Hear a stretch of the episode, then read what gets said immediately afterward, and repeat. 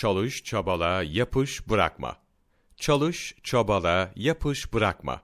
Sana lazım olan şey kendiliğinden gelmez.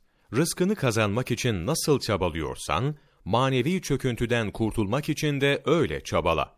Kendini iyi işler yapmaya zorla. Kendini şeytandan koru. O, insanları elindeki oyuncak gibi oynatır. Elinizde bulunan bir binek hayvanına nasıl hakimseniz, o da size öyle hakim olur. Kalplere yalandan vurulan kilidi sökebilir. Arzu ettiği hizmetini yaptırır. Bu hallerde nefis de şeytana yardımcı olur. Şeytanın arzu ettiği şeyleri yapabilmesi için sebepler hazırlar. O şeytan nefsi de kendine yardımcı aldı mı, cenk meydanından çekip emrine tahsis edemeyeceği mücahidi sağ bırakmaz. Ey evlat! Nefsini şehvetten kes. Yersiz lezzeti ona tattırma. Bunlardan yana onu aç ve susuz bırak. Bunlar, nefsi yıldıran birer kamçıdır. Elinden bırakma. Nefsin boynuna vur. Kalbini Allah korkusuyla ayık tut. Daima Hak Teâlâ'yı gözet. Her halinde günahların örtülmesini iste.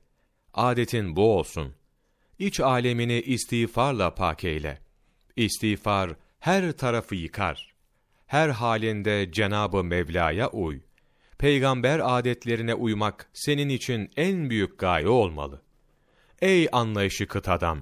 Madem ki kader hükümlerini itmek elinde değil, değiştirmeye ve yok etmeye yapmaya muktedir değilsin, niçin çırpınırsın? Muhalefet halinde elinden iş gelmediğine göre, boşa yorulmanın manası nedir?